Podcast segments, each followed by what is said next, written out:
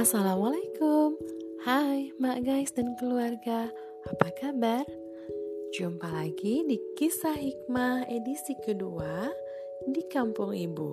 Podcastnya komunitas ibu profesional Tasikmalaya Kali ini akan ada Teh Ika Rahmatika Yang akan bercerita kepada kita Tentang kisah Nabi Adam. Hikmah apa sih yang bisa kita ambil dari kisah Nabi Adam alaihi salam?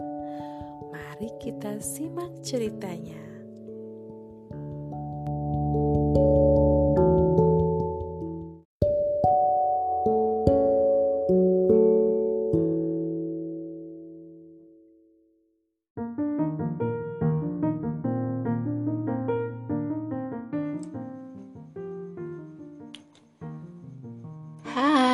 Assalamualaikum warahmatullahi wabarakatuh.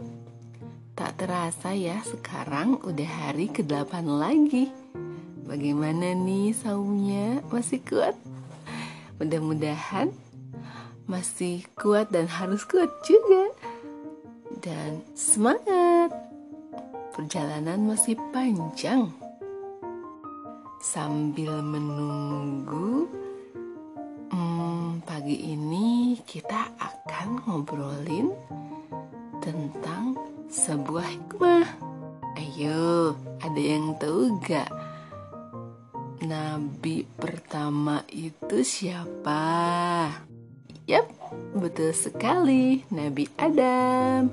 Bersama ibu di sini, Ibu Ika Rahmatika, kita akan mengambil kisah hikmah dari Nabi Adam alaihi salam.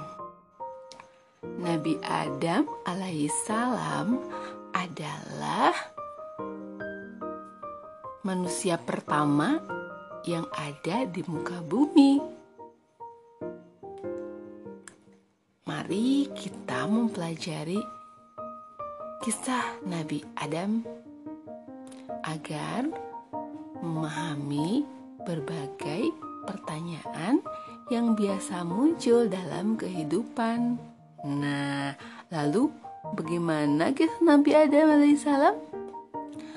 Ada pelajaran hikmah yang bisa direnungkan dari kisah Nabi Adam alaihissalam. Yang pertama, hendaklah kita sebagai manusia memperhatikan perintah dan larangan Allah Subhanahu wa taala. Pelajaran terpenting dalam kisah Nabi Adam bahwa Allah Subhanahu wa taala pada dasarnya memberikan kebebasan kepada manusia sebagai makhluknya dalam berbagai hal. Namun, kebebasan ini juga diiringi dengan batasan berupa larangan-larangan yang ditetapkan oleh Allah Subhanahu wa taala.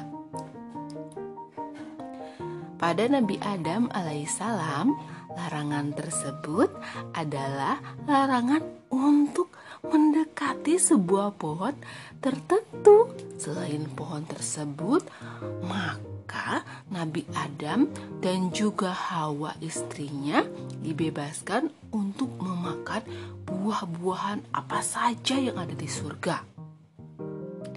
Nah, yang kedua, waspada terhadap hambatan dari iblis dan para pengikutnya.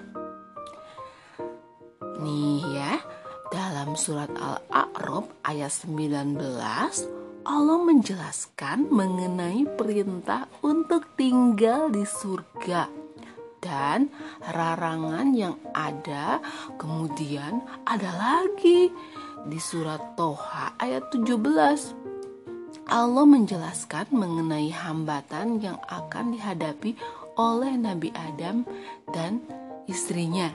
Siapa istrinya? Yaitu um, kalau kita menyebut, um, menyebutnya Siti Hawa. Nah, uh, kenapa tidak boleh mendekati pohon itu? Larangan tersebut adalah karena uh, pemusnahan dari godaan dari iblis dalam rangka menggoda manusia, iblis tidak hanya bekerja sendirian. Dia memiliki banyak pembantu, termasuk juga dari bangsa manusia. Adanya iblis ini akan membuat manusia lupa diri dan terpedaya mengikuti jejak iblis yang membangkang dari perintah Allah. Akan tetapi, godaan tersebut tidak akan berpengaruh kepada orang yang memegang teguh pada agama Allah. Yang ketiga, hikmah dari kisah Nabi Adam ini adalah sikap yang tepat saat terjerumus ke dalam kemaksiatan. Kisah Nabi Adam dan Hawa pada dasarnya menjadi contoh bagi semua manusia, khususnya orang-orang yang beriman bahwa melakukan kesalahan dan berdosa adalah sesuatu yang pasti terjadi. Jangan takut, yang penting setelah kita melakukan kesalahan yang harus dilakukan oleh kita adalah ber bertaubat. Ketika sadar bahwa telah melakukan kesalahan, Nabi Adam dan Siti Hawa langsung bergegas kembali mengakui kesalahan mereka serta memohon ampunan kepada Allah Subhanahu wa taala.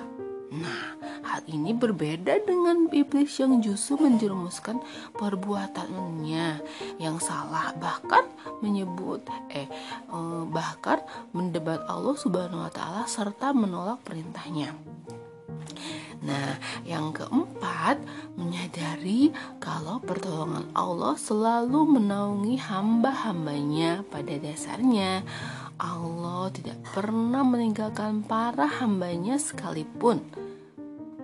Penjagaan dan kasih sayang Allah senantiasa menaungi hamba-hambanya, terkhusus kepada hamba yang beriman yaitu menjalankan perintah Allah dan e, ber, berjalan di atas ajarannya kepada orang.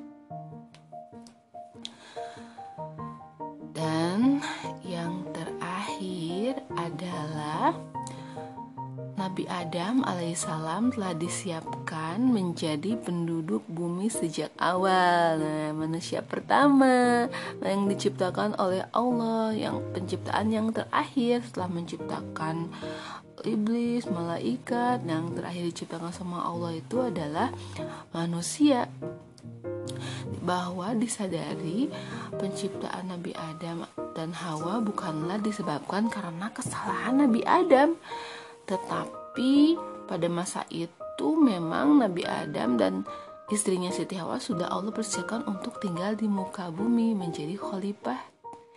Hal itu tertulis dalam surat Al-Baqarah ayat 30. Keberadaan Nabi Adam dan Hawa di surga adalah sesuatu yang sifatnya sementara, sekaligus sebagai bekal sebelum Nabi Adam dan istrinya turun ke bumi dan menjadi khalifah.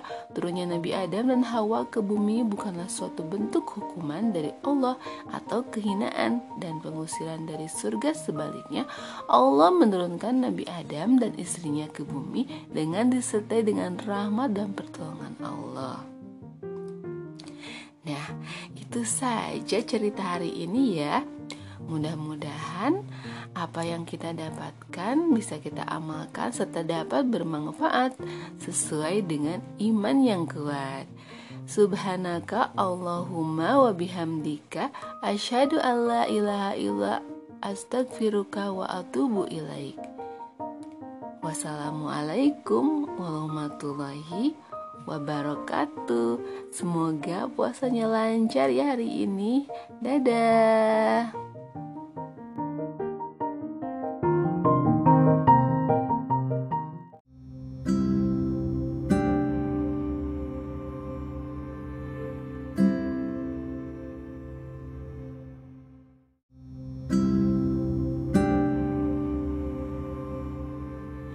Alhamdulillahirrahmanirrahim Kisah Hikmah edisi 2 telah usai dibawakan oleh Teh Ika Rahmatika Nah semoga hikmah dari kisah Nabi Adam alaihissalam tersebut Menjadi cerminan bagi kita semua Terutama dalam ketaatan kita kepada Allah Nantikan kisah hikmah edisi berikutnya dengan cerita yang berbeda.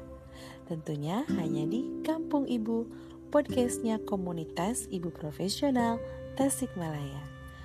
Assalamualaikum warahmatullahi wabarakatuh.